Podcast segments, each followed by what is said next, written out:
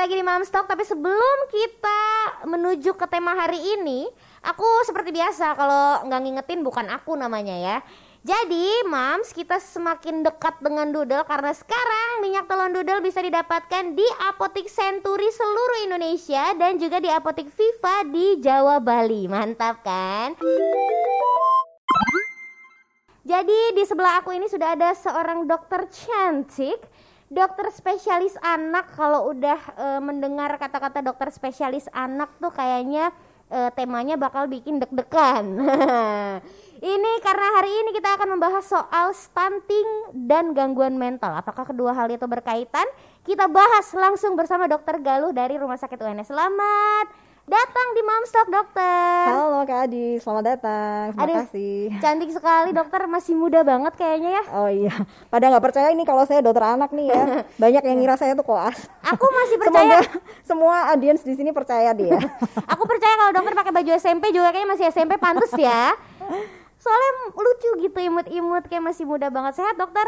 Sehat Jitan sehat. Alhamdulillah. Jadi dok langsung saja ke tema kita hari ini. Okay. aku sering denger stunting sering denger gizi buruk. Nah sebenarnya bedanya gizi buruk dan stunting ini apa nih Oke, okay, sebenarnya gizi buruk itu sudah kondisi yang apa ya lanjut nih ya okay. kayak dari uh, awal itu sebenarnya diawali berat badannya turun dulu, okay. kemudian nanti kalau lama-lama nih berat badan turun nggak diatasi dengan baik, hmm. dia akan jadi stunting. Okay. Nah, stunting itu sebenarnya tuh istilah alamnya tuh pendek ya, hmm. pendek di mana tinggi badannya si anak ini dia itu tidak sesuai dengan rekomendasi gitu okay. ya rekomendasi uh, ibu-ibu biasanya pakai KMS bisa yeah. atau sekarang kalau yang mah hmm, apa mamah muda kekinian itu hmm. sekarang uh, mestinya sudah pakai aplikasi ya betul, mungkin sudah tahu aplikasi dari IDAI yang namanya Primaku itu oh, iya, nah iya, itu iya. dia di situ loh kok uh, tinggi badannya kurang nah hmm. seperti itu itu stunting ya. Nah, kalau keduanya itu nggak diatasi dengan baik, akhirnya jadilah dia gizi buruk gitu. Okay. Makanya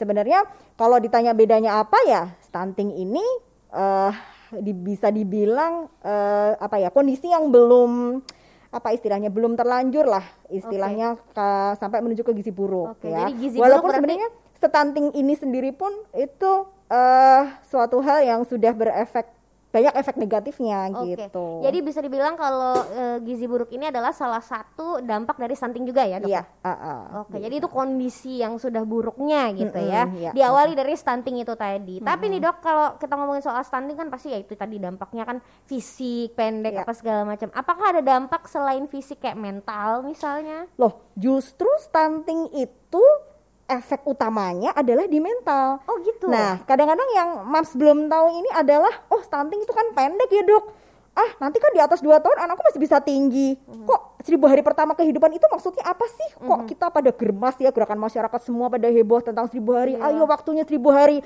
nanti nggak bisa kembali loh lah apanya yang nggak bisa kembali yeah. nah semata-mata ini bukan hanya tingginya yang nggak bisa kembali tapi mm-hmm. justru mentalnya gitu oh, nah mentalnya gitu. kenapa nggak bisa kembali ya macam-macam dampaknya mm-hmm. bisa ke gangguan perilaku kemudian yang jelas IQ nah penurunan IQ okay. itu yang dialami oleh anak-anak yang sudah terlanjur stunting di usia golden period. Nah, okay. hari pertama kehidupan itu. Okay. Nah, Jadi itu poinnya. Itu ya, ternyata dampak utamanya malah di yeah. mental gitu ya. Mm. Dan itu kan nggak kelihatan langsung, bener ya dok? Yes, ya nggak kelihatan langsung.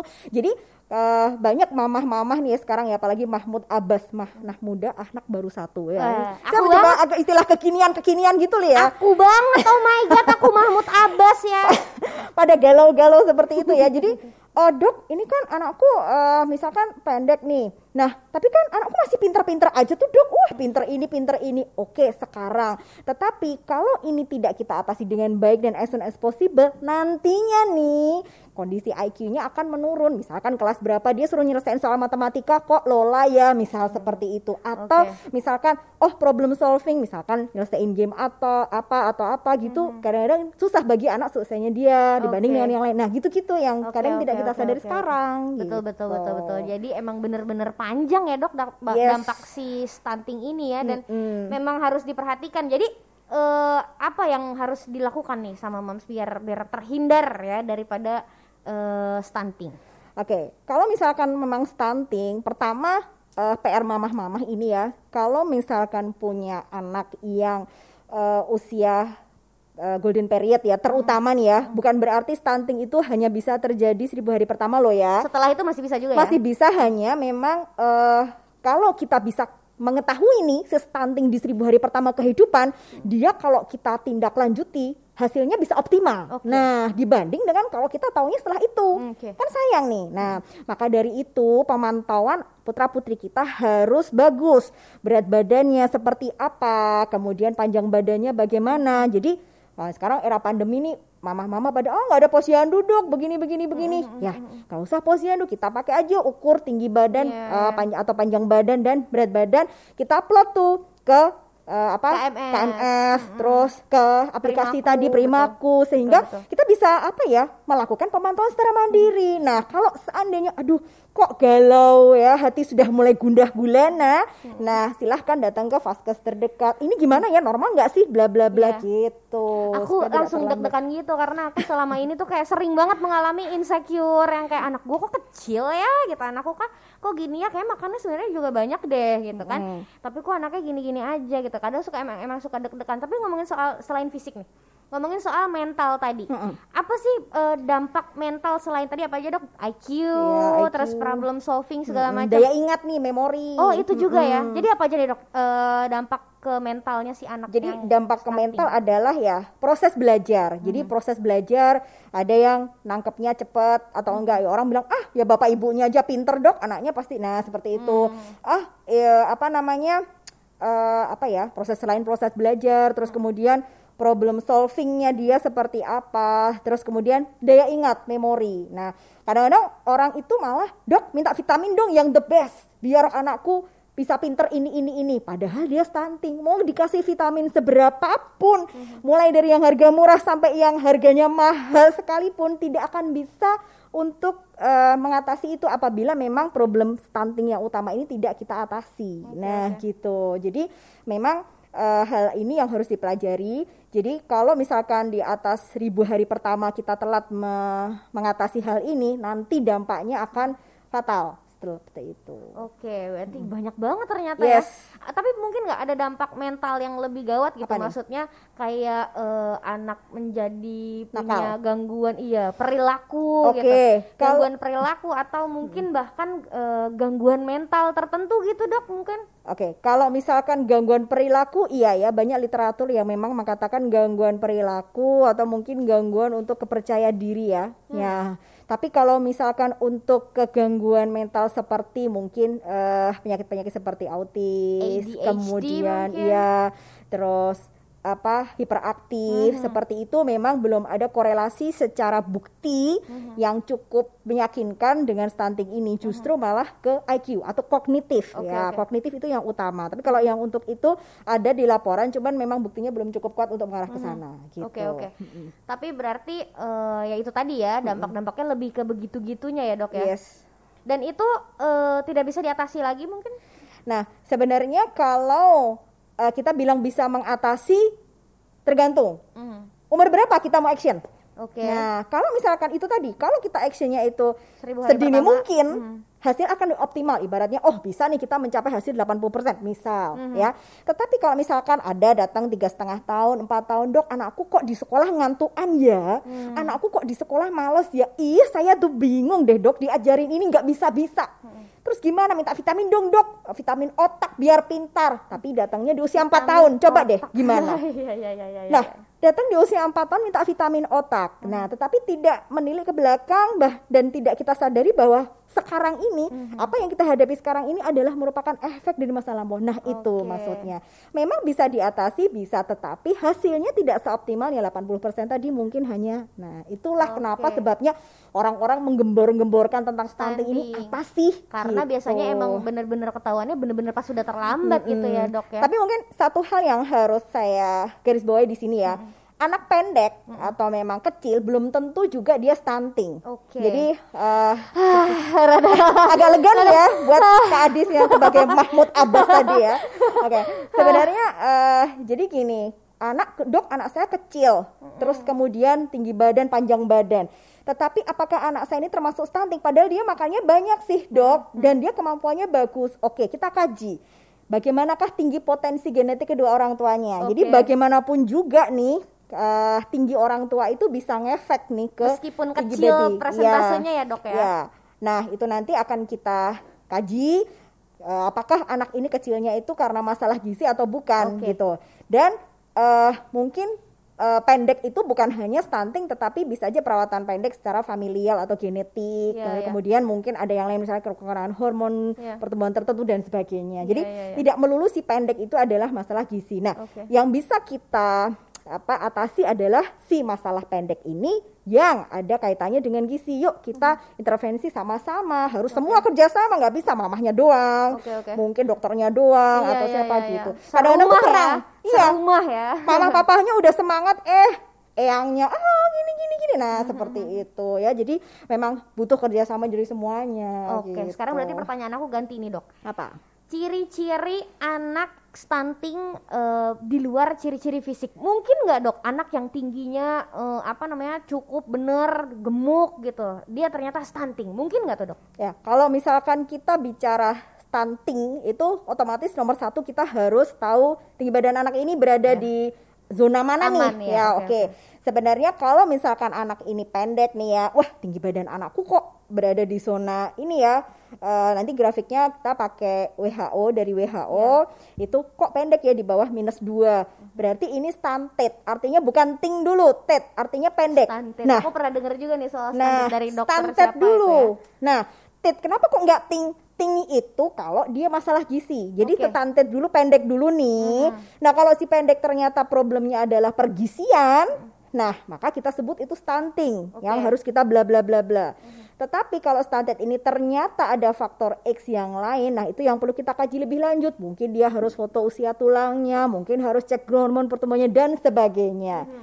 Nah, kalau kemudian memang uh, ada problem seperti itu, tapi tumbuh kembangnya bagus dan sebagainya, mungkin dia termasuk yang uh, apa stunting eh, apa pendek yang familial itu tadi banyak orang pendek-pendek yang cerdas-cerdas ya yeah. seperti banyak tokoh-tokoh di Indonesia maupun di dunia yang secara fisik itu uh, beliau pendek tetapi cerdasnya luar biasa. Yeah. Nah, itu dia. Kayak Pak Habibie. Yes, ada banyak dia. banget ya orang-orang mm -hmm. yang memang pendek mm -hmm. bukan karena stunting berarti ya, Dok ya. Sip. Sudah pasti gitu ya. Berarti mm -hmm. ciri-cirinya yaitu dulu pendek dulu. Mm -hmm. Terus ada uh, mungkin uh, apa namanya?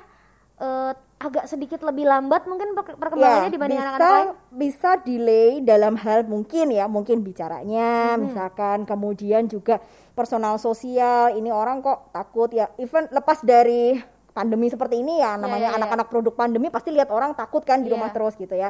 Tapi personal sosial itu bisa kita nilai dari orang orang sekitar ya keluarga. Terus kemudian juga bagaimana kemampuan motorik kasar, motorik halus.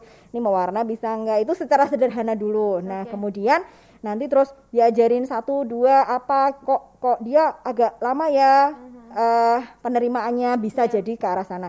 Dan yang jelas adalah mungkin dampaknya dari stunting adalah rentan infeksi Oh, ya. ada juga ini ya. anak kok gampang panas ya, gitu. Oh, kok okay. gampang sakit ya. Aduh, jangan-jangan. Nah, seperti itu. Hmm. Apa mungkin atau mungkin bisa juga, Dok, anakku sebenarnya makannya banyak. Hmm.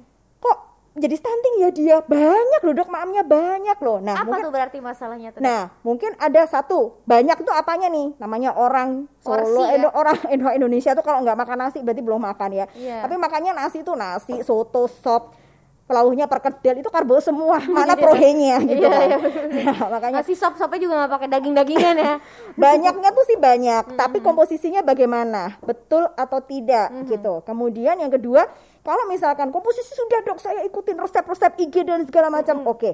Tapi adakah penyakit lain yang mendasari? Nah hmm. itu harus kita kaji lebih lanjut nih. Ya, ya. Kok jadi stunting ya makan banyak, ini banyak. Kok ada seperti mungkin misalkan flek paru ya bahasa awam atau TB, mungkin TBC ya, TB, pada kan? anak, atau mungkin ada kelainan-kelainan jantung ya yang tidak disadari, atau mungkin ada penyakit alergi yang berkepanjangan yang kita tidak sadar. Hmm. Mungkin dia harus ganti susu misalkan, atau mungkin dia harus mengkaji oh uh, diet eliminasi alergi tertentu supaya okay. dia bisa mencapai pertumbuhan yang optimal karena kalau makan macam-macam kok nggak diserap sempurna nah otomatis kan nggak jadi daging dong badannya nggak hmm. gendut-gendut nah seperti itu bener, bener, bener, bener, jadi tetap harus mengkaji satu demi satu Dan gitu. memang harus konsultasi sama dokter ya.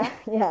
Jadi Oh, nggak bisa mutusin ini. sendiri juga ya dok ya. Yes. Daripada galau-galau sendiri kan Benar, ya benar, kita harus sharing. nebak-nebak sendiri gitu ya. Ya oh, berarti selain selain apa namanya kesalahan bukan kesalahan juga ya, tapi selain kurangnya nutrisi itu berarti ternyata ada penyakit-penyakit tertentu yang bisa, memang bisa bikin anak stunting gitu ya dok ya. Iya, Ya aku pernah pernah dengerin penyakit yang paling umum Mm-mm. yang eh, maksudnya gampang gitu si anak ini dapat kayak TB paru itu kayaknya gampang ya dok dapat. Ya, tergantung lingkungan. Kadang-kadang TB itu ya kalau TB pada anak tuh kebanyakan tidak menular ya karena Hmm. anak itu tidak yang uh, nularin dahak grog-grog sama sesama anak gitu Iya, ya. Kalau misalkan seorang anak didiagnosis bahwa dia itu TB, Mm-hmm.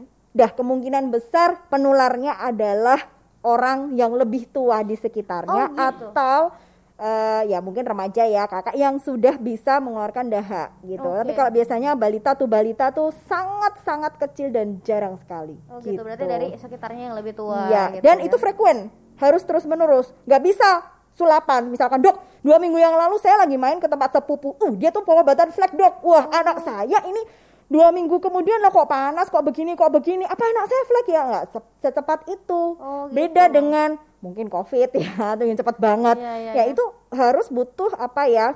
eh, kan Tresno jalaran soko kulino ya Betul, lah si ini si TB ini juga begitu jadi dia kulino dulu paparan terus menerus tanpa disadari karena anaknya nggak yang demam biasa Iya, aja iya, iya, tapi lama-lama loh berdampak berat badannya baru ngeh gitu Oke, akhirnya baru diperiksa, di ronsen iya, segala macam. iya gitu itu ya, dan ada step-stepnya untuk menetapkan bahwa si anak ini TB nah Oke. gitu Ada tesnya juga ya. yes Kalau misalnya oke si anak ini TB ternyata, Ya, apa yang harus dilakukan nih dok? Nah, otomatis ya setelah berkonsultasi nih ya, melakukan step by step itu dan difonis bahwa anak ini adalah TB, Mhm. otomatis ya dokter yang bersangkutan pasti akan melakukan pengobatan. Hmm. Ya, oke, namanya masalah utama di TB yang menyebabkan dia stunting, ya harus diobatin dulu dong. Hmm. Kalau misalkan kita mau dikasih makan apa pun, protein hewani, ikan laut, seheboh apa pun, Tetap aja kalau ya. ini nggak diatasi pasti nggak bisa. Oke. Otomatis ini diatasi, tapi jalur nutrisi juga harus kita eh, jalani juga Oke. ya sambil nyari yang lain-lain misalkan alergi atau tidak dan segala macam. Nah kalau misalkan sudah itu sambil dipantau berat badannya dan minum obat yang teratur gitu. Dan itu Ke- lama ya dok ya? Jangka waktunya lama ya? Enam untuk- bulan. Untuk Minimal- ngeluarin si TB ini. 6 bulan. 6 bulan itu kita harus evaluasi lagi. Kadang-kadang dokter harus mengambil tindakan apakah dia diperpanjang jadi 9 bulan atau tidak. Biasanya Oh, kalau TB kelenjar, misalkan ada aduh, kok ada benjolan-benjolan. Anak saya itu nggak batuk loh, Dok, kok divonis TB? Emang TB punyanya si paru doang. Oh, oke, Nah, TB itu bisa juga punyanya macam-macam. Ada yang parah punya TB otak, ada yang TB tulang, ya, ada. Nah, kebanyakan pada anak-anak adalah TB kelenjar. Oke. Nah, aduh, gimana ya dok? Ini TB. Nah, seperti itu nggak batuk karena TB kelenjar. Nah, seperti itu. Nah, tapi tetap harus di evaluasi, rutin minum obat teratur dan perbaikan gizi supaya si TB ini juga cepat pergi. Walaupun memang yang utama adalah sekitarnya harus di eksplor juga. Kita ngobatin anaknya baik-baik, wah sudah bener-bener dieman istilahnya ya.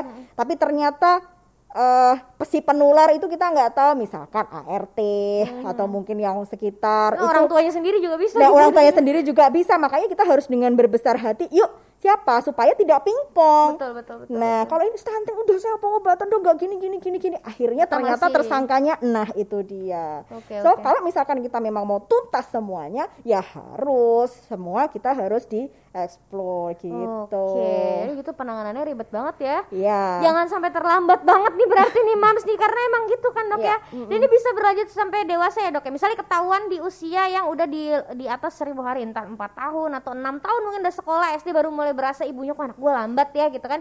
Yang paling sering gitu nggak sih dok ketahuannya Iya. kayak umur umur 7 tahun, 6 tahun gitu kan dok. Mm-mm. Nah kalau misalnya sudah eh, ketahuannya di usia segitu masih bisa diperbaiki nggak dok? Ya kecil. Karena Oh, oke. memang perbaikan dari stunting ini atau memang perbaikan IQ ya namanya eh apa ya serabut saraf atau kita bilang bahasa ininya sinaps ya. Jadi saraf itu dari kecil itu membuat simpul-simpul simpul Oke. seperti itu kan.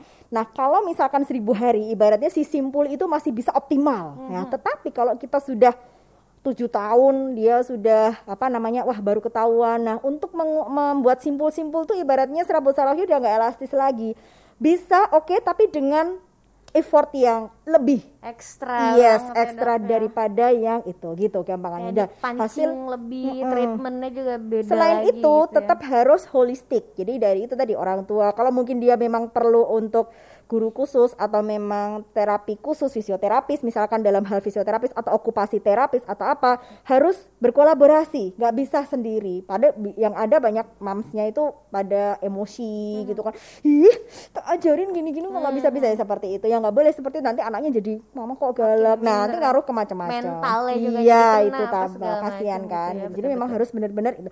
Bisa bisa. Cuman memang hasilnya itu tadi tidak optimal. Oke. Okay. ya. Berarti ya uh, orang tuanya juga harus bener-bener yang kayak uh, berbesar hati, iya. sabar, nggak boleh yang malah jadi ikutan marah, malah ngomel mm -hmm. sama anaknya iya, gitu ya. Apalagi betul. ada juga yang sampai menyalahkan diri sendiri mm -hmm. karena menyesal gitu, yeah. kurang maksimal gitu kan dok. Ada tips mungkin untuk ibu-ibu dengan anak yang lagi baru aja misalnya di di vonis stunting nih dok nih.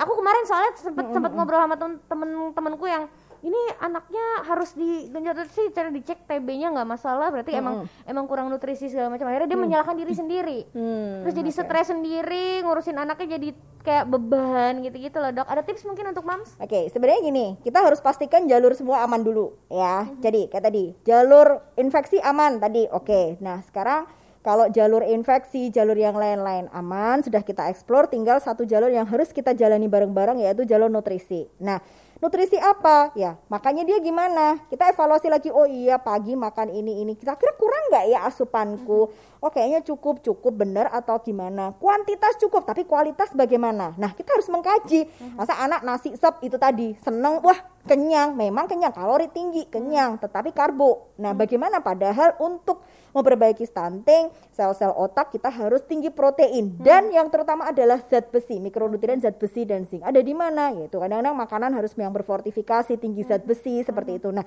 perlu nggak dok susu. Ya, kalau seandainya dari makanan itu kita bisa optimalkan dia, ya sudah, susu mungkin tidak perlu. Tetapi apabila memang ternyata kita udah usaha maksimal nih, ternyata harus dibutuhkan susu, ya silahkan pilih susu yang tinggi kalori. Hmm. Nah, problem banyaknya adalah, dok anak saya itu soalnya tiga sendok sudahan. Terus gimana dok? Habis itu nyembur-nyembur. Gini dong, kalau memang dia hanya bisa kuantitas sedikit, ya sudah kualitas dinaikin. Cara oh, gimana? Okay. Contoh nih, dok satu sendok nasi dengan apa nih opor mm-hmm. ya satu sendok aja satu sendok teh nasi dengan opor itu mungkin sama dengan tiga sendok nasi sop atau nasi soto mm-hmm. paham ya sehingga kita harus berkreasi bagaimana mungkin sering-sering masak kare opor mm-hmm. ya terus kemudian mm, kalori kaldunya seperti bola, apa bola dagingnya nah gitu ya, dok, ya. sehingga ya. itu trik pasti dan harus penuhi aturan makan menurut WHO. Jadi sebelum makan jangan dikasih susu atau cemilan okay. manis dulu. Dua jam air putih dua iya, jam. dua jam supaya apa pengosongan lambung. Jadi kalau dalam uh, kayak kita nih ya, rasa lapar banget tuh rasanya aduh, makanan yang biasanya aja rasanya enak banget, yeah. enak banget gitu ya. Nah, makanya banget ya dokter Galuh.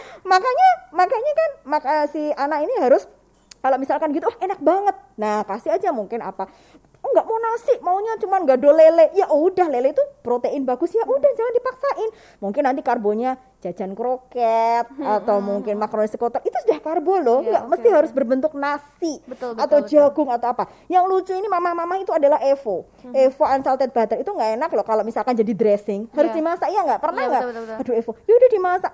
Lemak nggak usah dari evo evo ya jadi uh, opor itu aja oke. Okay. Masak kari ya. itu gurih banget ya. Kenapa hmm. harus seperti Dan itu? enak gitu ya dok ya? nah. ya. Kayak ikan lele aja anakku udah seneng banget. Tuh. Nah. Sekali makan habis satu lele, dua kali makan habis dua lele kan kayak udah lumayan banget ya dok ya. Gampangnya gini aja. Kalau misalkan kita ngerasain makanan anak kita itu enak, berarti hmm. oke okay, gitu aja. Hmm. Kadang-kadang ada anak yang dok anak saya nggak mau makan. Ketika diajak ke restoran dia mau ya sudah diagnosanya jenengan sudah bisa sendiri kan bu mungkin masakannya perlu dievaluasi ya udah gitu okay. nah hal-hal seperti itu makanya harus dikaji kalau asupan itu bagus gizi sudah oke okay, silahkan monggo nambah untuk uh, susu atau hmm. cemilan yang high kalori atau yeah. Iya. uh, kalau dokter biasanya mengkaji itu dulu sebelum hmm. dia memberikan suplementasi hmm. ya hmm. sekali lagi mau vitamin yang murah sampai yang mahal tidak ada yang amazing sulapan hmm. bagus madu yang ini ini hmm. apa segala macam waduh itu tidak itu selama itu belum diperbaiki. Hmm. Nomor satu perbaiki itu dulu, baru nanti suplementasi okay. kita berikan. Misalkan, aduh alergi ikan laut dok, zat besinya kurang. Oke, suplementasi zat besi. Hmm. Oh ini dok nggak mau ini, monggo silahkan apa. Tetapi hmm. harus pengkajian itu dulu. Gitu. Melewati Jadi, proses khawatir. itu juga nggak bisa sembarangan tiba-tiba, oh yes. kasih aja nih zat besi gitu, nggak hmm. bisa gitu ya dok ya. Hmm. Oke, terus nih aku mau nanya juga dokter hmm. tuh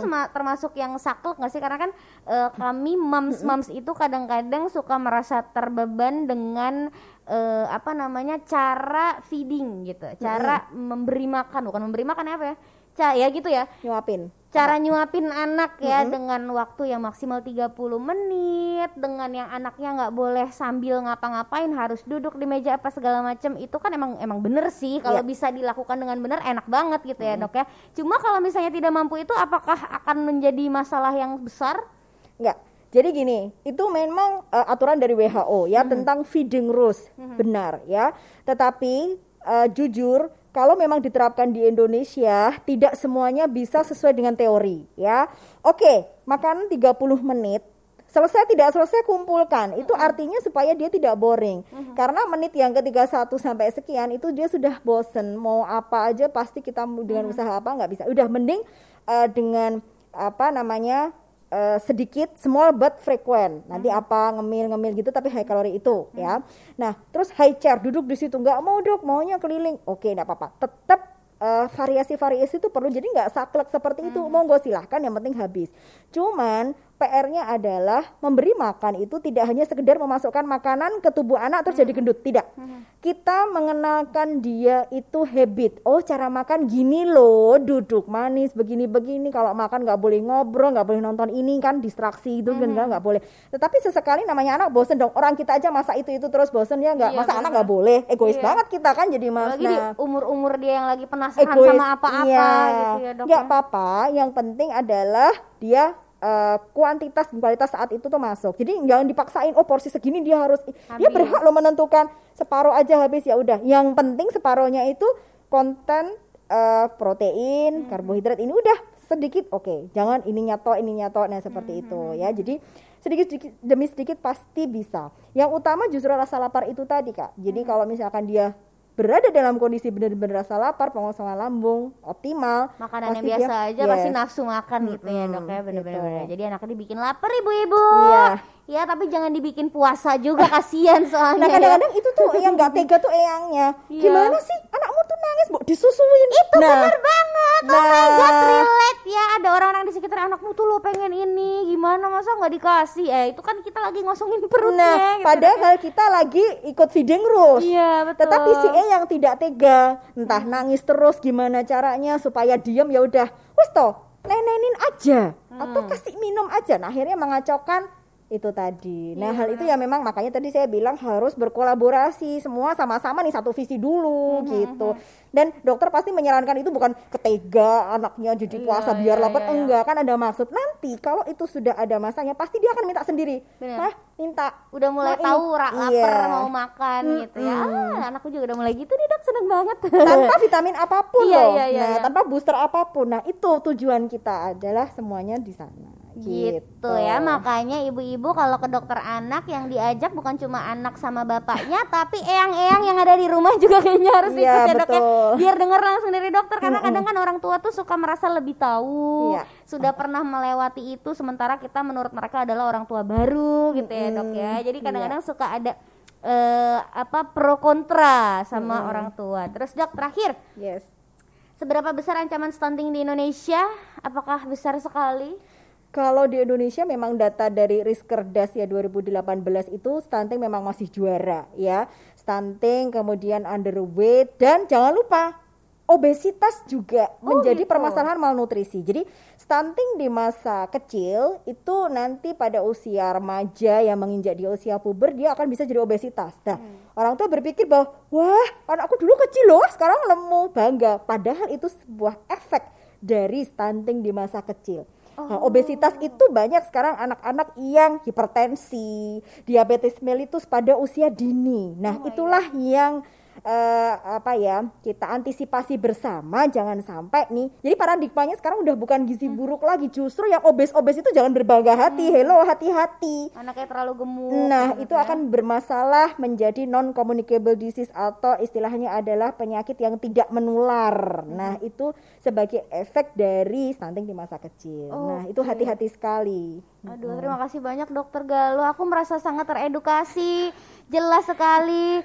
terus apa namanya semuanya juga uh, menjadi lebih jelas uh, agak uh, ada sedikit hal yang bikin aku lebih deg-degan tapi ada yang bikin lega juga gitu ya. Makasih banyak dokter. Ya, katanya ya, nih dok tadi ada program baru dari rumah sakit UNS program baru dari rumah sakit oke untuk pelayanan ya kami hmm. soon sebenarnya uh, kita uh, sudah ada layanan unggulan ya dari jantung terus ada polisomnografi hmm. polisomnografi itu ini loh apa namanya untuk mendeteksi gangguan tidur. Oh. Jadi sekarang gangguan tidur itu nggak disepelein, tapi ternyata gangguan tidur itu karena kelainan stroke atau kelainan apa okay, itu bisa okay, okay. ya itu satu-satunya di Solo Raya.